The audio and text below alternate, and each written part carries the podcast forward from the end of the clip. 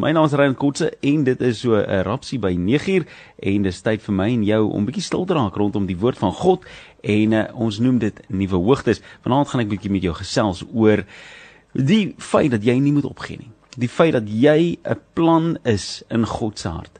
Dat God jou beplan het vir 'n rede, vir 'n doel en dat jy nooit moet stop want daar is so 'n groot taak wat op jou hande lê. Pragtige woorde van Jonathan Butler vanaand wat sê I stand on your word, I stand on your promise.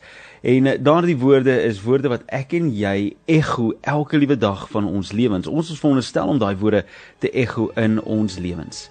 Want God se beloftes is God se waarhede. Daai beloftes, daai waarhede verander nie net omdat ek en jy dalk deur 'n slegte tyd gaan nie.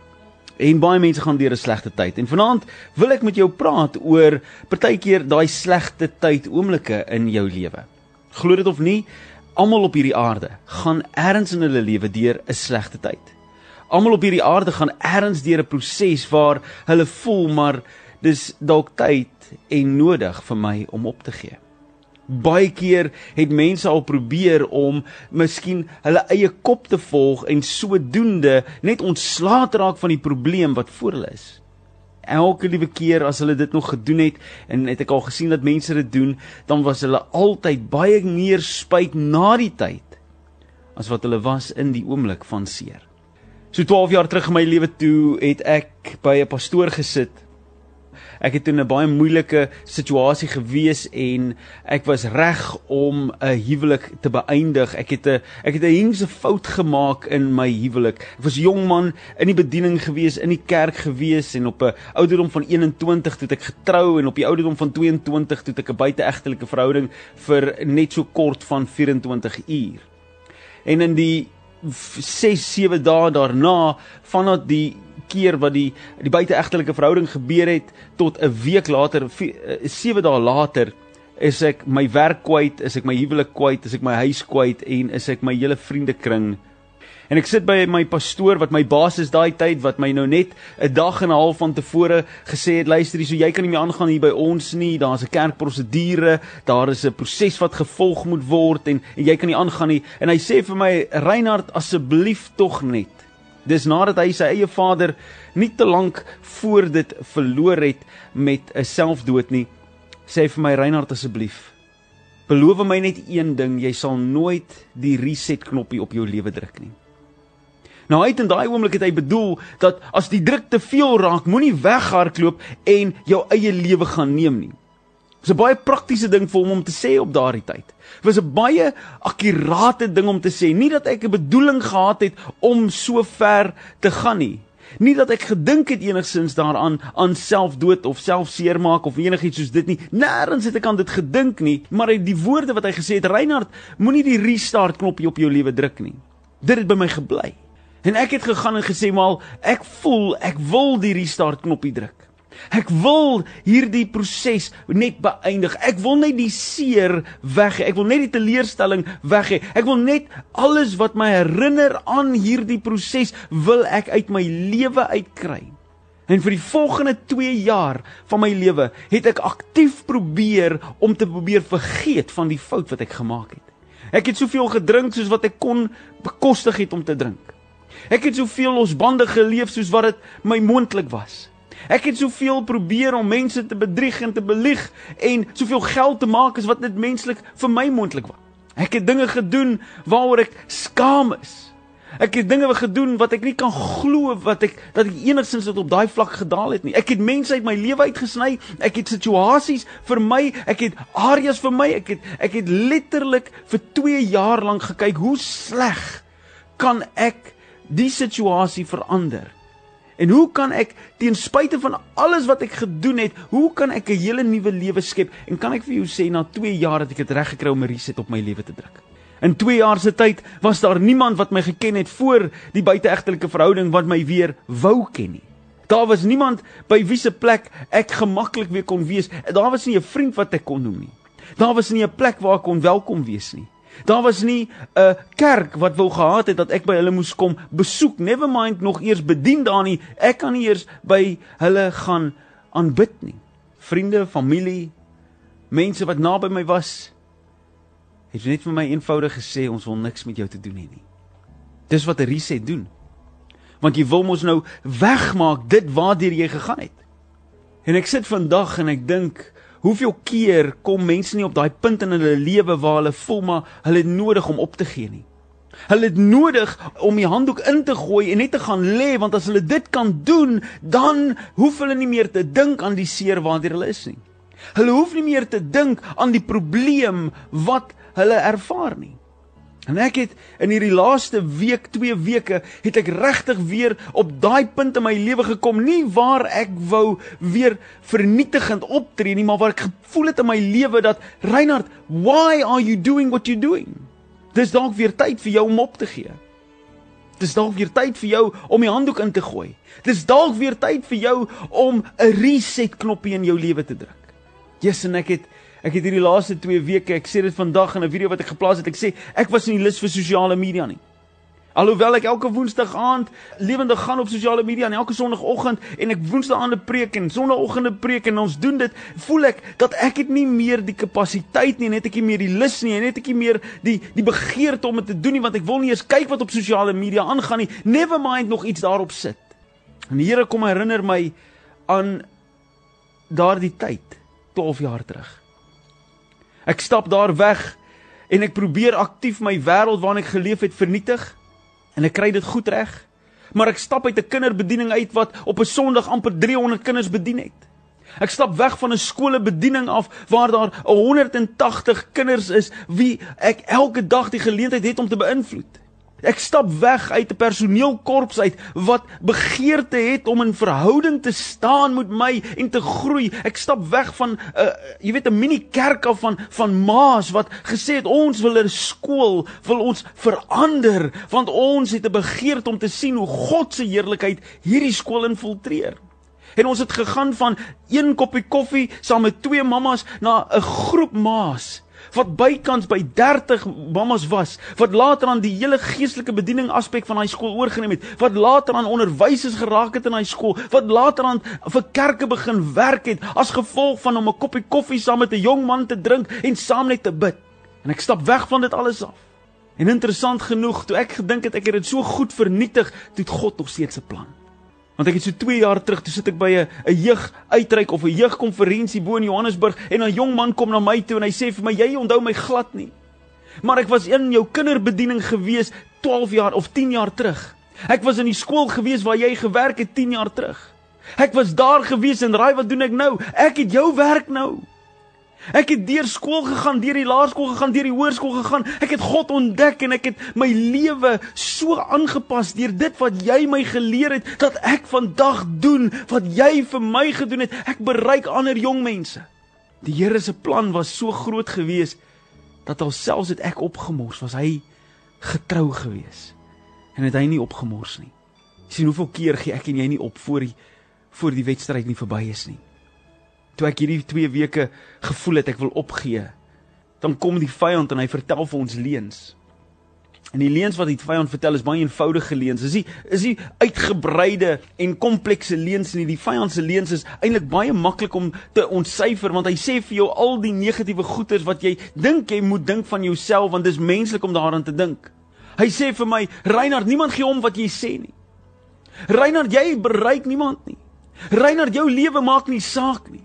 Hy sê vir my Reinhard, as jy nou nie hier sal wees nie, sal die wêreld aangaan. Dit sal wees asof jy nooit daar was nie. Nou, niemand worry nie. Hy sê vir my Reinhard, as mense maar net geweet het wat in jou lewe aangaan, as hulle maar net geweet het waaraan jy dink, as jy maar net geweet het hoe jy en jou vrou partykeer beklei. As hulle geweet het wat 'n tipe pa jy is wat moeg is wanneer jou kinders na jou toe kom en jy het lank gewerk dan dan dan's jy nog moeg en geïrriteerd met hulle ook. As die mense net net geweet het hulle nie geluister na jou nie want jy maak in elk geval nie saak nie. You never to do it. Kyk na daai ouens.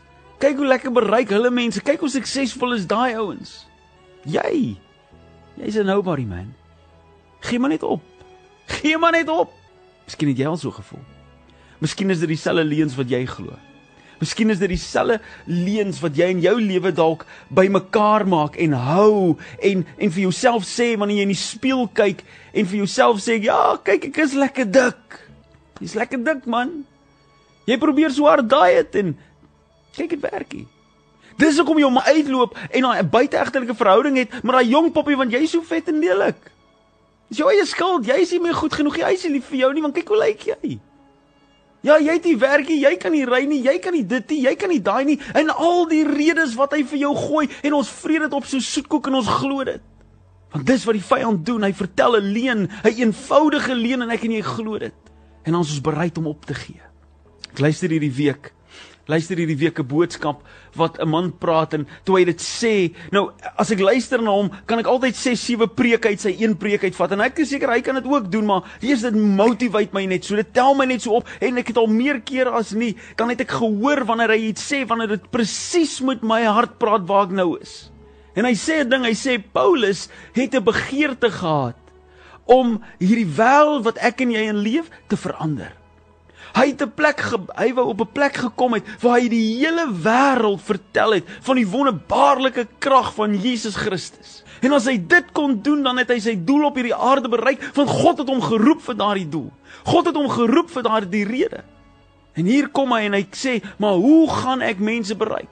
Hoe gaan ek mense kry om by God uit te kom?" En hy sê, "Maar ek moet in Rome uitkom." Want Rome bepaal alles. As ek die Romeinse ryk kan verander, dan sal dit deur die res van die wêreld gaan en mense sal moet luister wat hulle sê. En Paulus besluit hy gaan Rome toe. En hy maak hierdie hele journey om Rome toe te gaan. Hy gaan en hy's reg en hy hy's gemotiveerd en daar loop hy en op pad soontoe toe kom hy in die moeilikheid en mense raak kwaad vir wat hy sê. Mense is ongemaklik want dit klink asof hy teen die Romeinse keiser praat. Dit klink asof hy besig is om iemand anders te voor te hou en die Romeinse ryk af te bring want wie's nou die ware God? Is dit Caesar die ware God of is dit God die ware God? Wie is wat is dit wat hierdie Paulus doen? En weet jy wat doen hulle? Hulle vat hom en hulle sit hom in die tronk. Wat 'n tragediese situasie vir Paulus. Want die krag van sy boodskap is om by mense uit te kom en hulle te bedien en hulle te vertel van Jesus en hulle dink hulle stop hom deur om hom in die tronk te gooi. Nou ek is eerlik.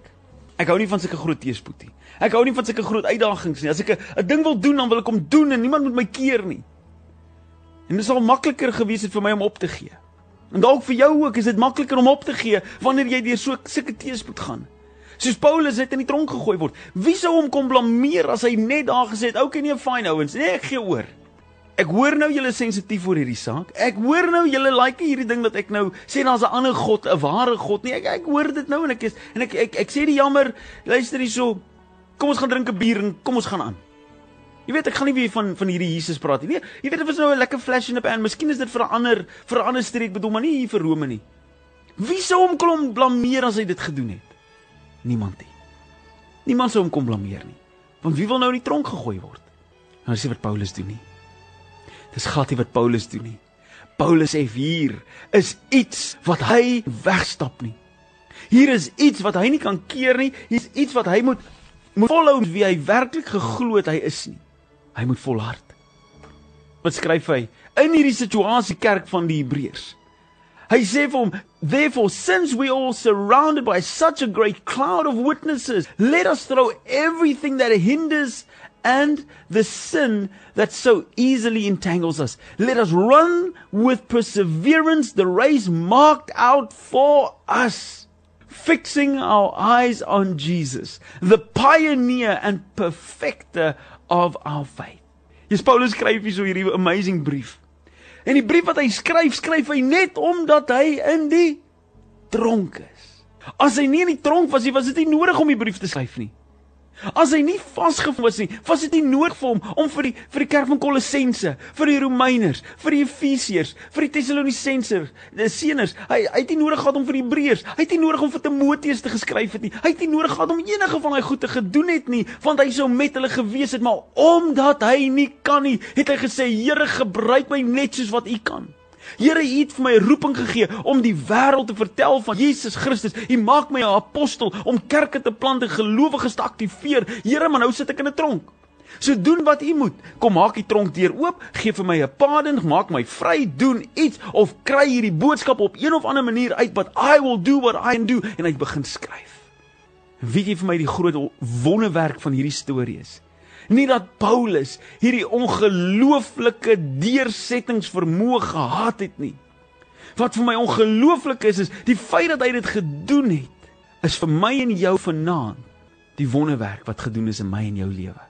As gevolg van hom wat vasgebyt het en God geglo het en vertrou het, het gemaak dat ek en jy vanaand die verlossingsboodskap kon hoor. As Paulus opgegee het, was ek en jy dalk nie hier vanaand nie. As Paulus opgee het, het ek en jy dalk gepraat vanaand nie. As Paulus gaan lê het, het ek en jy dalk nie vanaand moed gehad om te bid na 'n lewendige God toe en te sê Here, ek is reg om op te gee. Maar Here, kom gee vir my krag nie. As dit nie vir hom was nie, waar sou ek en jy gewees het? Van Paulus het jy dit geweet, is naas Jesus die mees invloedrykste persoon in die Bybel. Naas Jesus gaan die Bybel oor Paulus. Want hy het so baie van die boek geskryf, hy het amper die hele tweede gedeelte van die boek het hy geskryf. En meer mense kwoteer dit wat hy geskryf het as enigiemand anders in die Bybel. Want Paulus het iets ontdek. Hy het besef dat sy lewe het op 'n punt gekom waar hy nie kan terugdraai nie. Sy lewe het 'n bedoeling. Sy lewe maak saak. God het hom geroep. Hy het sy lewe, sy sondes kom vergewe van waar hy Christene gekruisig het en gestenig het en doodgemaak het en vervolg het. Het God so wonderbaarlike werk aan hom gedoen dat hy die een is wat hulle lei terug na die Vader toe. Hy sê hierso: Let us run with perseverance. Laat ek en jy moet deursettings vermoë hardloop. Die resies die wedloop wat uitgemerk is vir my en jou. Ek kan nie verwag dat jy moet deursettings vermoë het om my wedloop te hardloop nie. Jy kan nie verwag dat ek moet die deursettings vermoë het om die wedloop te hardloop wat deur jou vrou gaan nie of wat deur jou man gaan nie, want dit's nie wat God vir my en jou gevra het nie. Hy vra vir my en jou, sal jy die deursettings vermoë hê om die resies te voltooi wat ek vir jou lewe beplan het? En hoe doen jy dit? Jy hou jou oë gerig op Jesus. Jy hou jou oë gerig op die in, die een, die begin en die volëindiger van jou geloof. Want sonder Jesus het jy nie geloof nie. Jy kan nie glo in 'n magiese wese nie. Jy glo in 'n persoon. Die persoon Jesus Christus. God het geweet wat se krag is daar in die menslike vorm van 'n Jesus. Hy het geweet wat het jy nodig want die mens het vir vir honderde jare gehardloop met 'n wete dat daar 'n God is en hulle deur 'n brandende bos en hulle deur 'n profeet, maar God het gekom en gesê luister hierso, wat ek nou nodig het is dat jy moet sien dat daar 'n God is wat vir jou omgee en hy kom en hy word mens sodat jy hom nie net kan sien nie, nie net kan hoor nie, maar jy kan hom vat, jy kan hom voel, jy kan hom hoor en jy kan saam met hom wandel. So hou jou oë gerig op hom wanneer jou wedloop vir jou moeilik raak. Wanneer jou resies vir jou uitdagend raak, wanneer jou probleem vir jou so groot raak dat al wat jy wil doen soos wat ek gedoen het is in 'n bonneltjie gaan kruip het en gaan huil het en gesê het okay wel nou staan ek op en nou gaan syp ek. Want as ek gaan drink, gaan ek beter voel en raai wat. As die hoofpyn verby is, dan het ek nog steeds nie beter gevoel nie. En jy kan gaan en probeer om te gaan rondslap soveel so wat jy wil. Kan ek vir jou waarborg? Al wat jy gaan los is jy gaan 'n leemte los in jou lewe want jy probeer 'n gat wat net God kan volvul maak met die verkeerste goed. Jy kan probeer God haat en God vloek. Ek weet van 'n oom wat so seer was, so kwaad was vir die Here dat hy in die in die aande sy halgeweer gevat het op die plaas, dit opgemik het na die hemel toe en geskiet het en gesê het: "God, jou ding is ek skiet vanaand vir jou vrek kom praat met my." En God het daai man se lewe omgedraai. En hy het meer mense bereik uit later in die strate van Kaapstad en Johannesburg rondgery met 'n kus op sy dak het hy vir mense gesê dis nou tyd vir jou lewe om om te draai of aan kies jy maar eerder om te brand in die hel. Sy manier was dalk radikaal geweest maar sy lewe het radikaal omgedraai. Jy probeer 'n gat volmaak wat deur geen mens of persoon of drank of dwelm of verhouding gevul kan word behalwe deur Jesus Christus homself nie. Jy kan nie opgee nie. Jy kan nie vanaand opgee nie, jou wedloop is nie verby nie. God is nie klaar met jou nie, hy het iets nog in stoor vir jou. Hy het nog baie in stoor vir jou. En vanaand is jou kans om vir die Here te sê, Here, ek staan op. Here, ek glo, Here, ek gaan, Here, ek doen. Ek gaan nie opgee nie. van dit wat ek opgee, is daar ander mense wat nodig het om te hoor dat daar 'n God is. En as ek opgee, dan hoor hulle dit dalk nooit nie. As ek aangehou lê 12 jaar terug. As ek aangehou gaan het is soos wat ek aangegaan het. Dan het ek dalk nooit die vrymoedigheid gehad of die vermoë gehad om vanaand met jou te praat nie.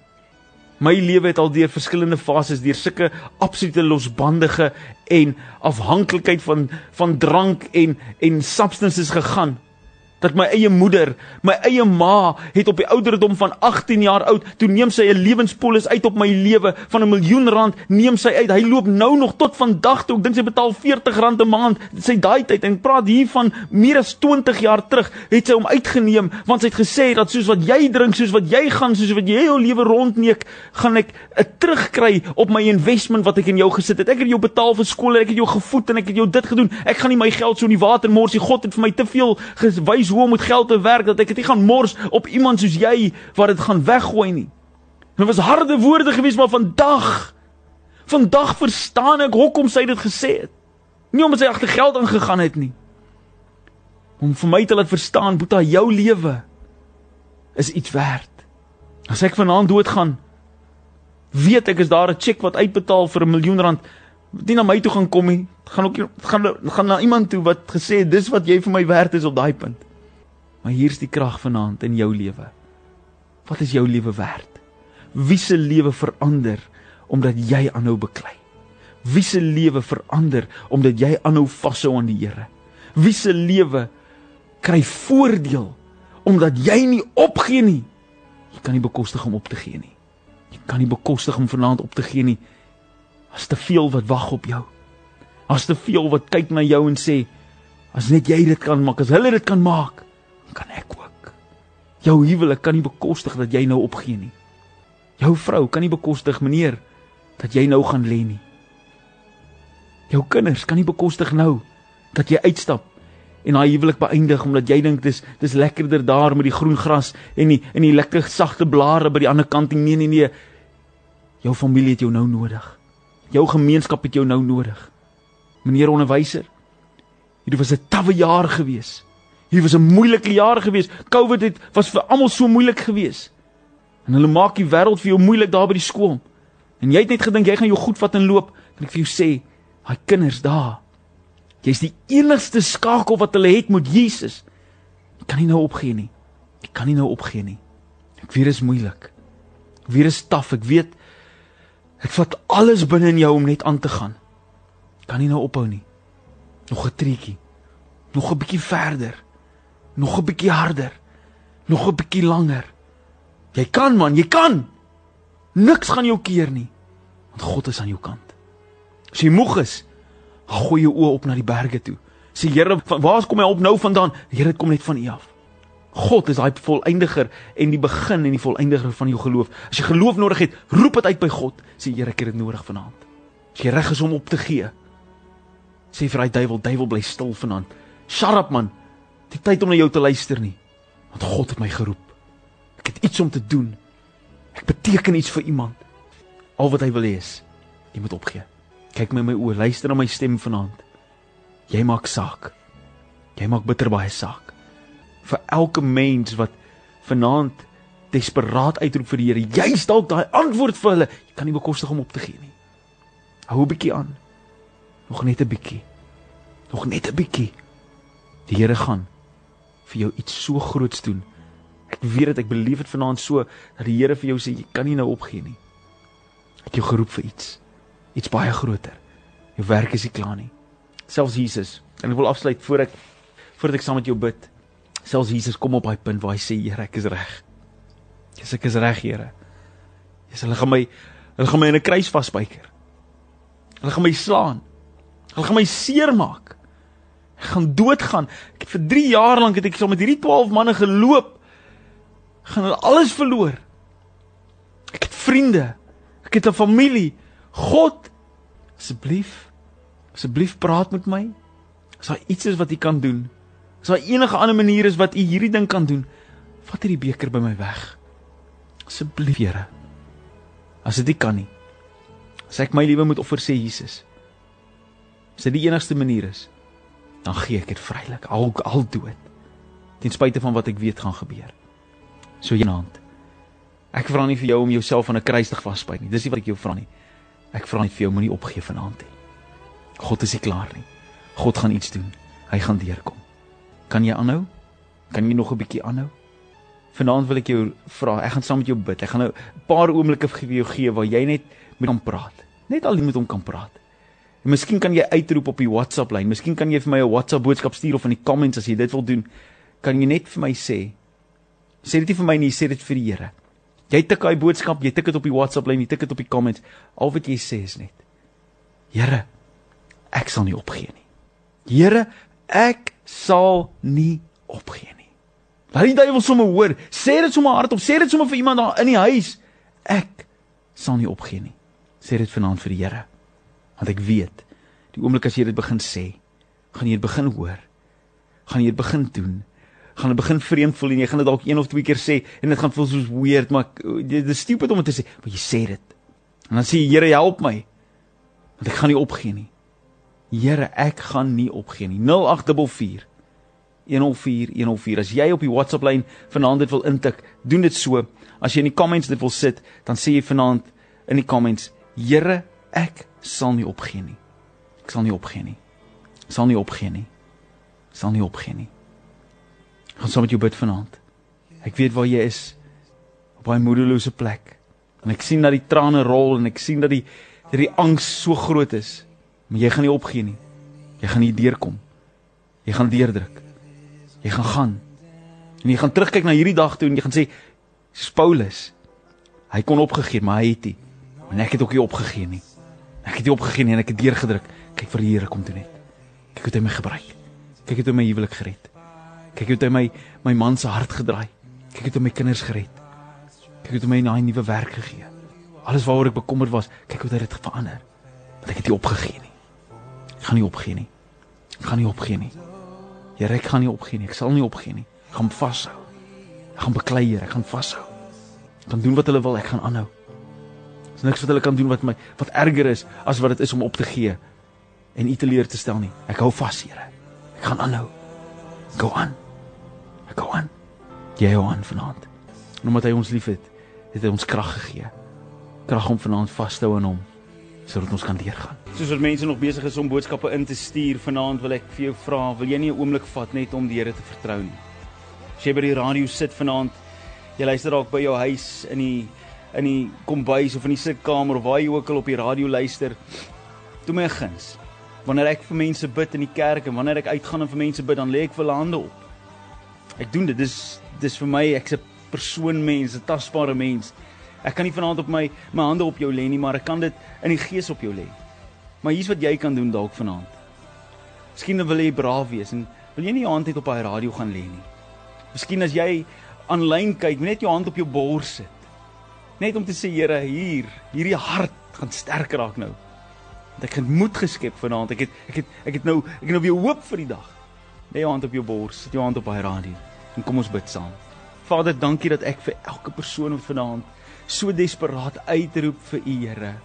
So desperaat uitroep dat u iets in hulle lewens moet kom doen, Here. So desperaat is vanaand dat u Here 'n wonderwerk moet kom doen vir hulle. Van die vyand in die lewe en omstandighede en ons huweliksmaat en ons werke en ons en ons eie geloofskeuses en ons eie besluite wat ons gemaak het wat gevolg het. Here het gemaak dat ons so naby gekom het aan 'n plek van opgee dat ons nie eens meer moed het om te bid nie, Here. Ons het eers nie meer die moed om om U aan te roep nie. En Here, daar's niks wat ons kan doen wat ooit sal maak dat U nie met ons wil ontmoet nie. Daar's niks wat ons kan doen dat U U rug op ons sal draai nie. En Here, soos Paulus gesê het, hy sal nie opgee nie.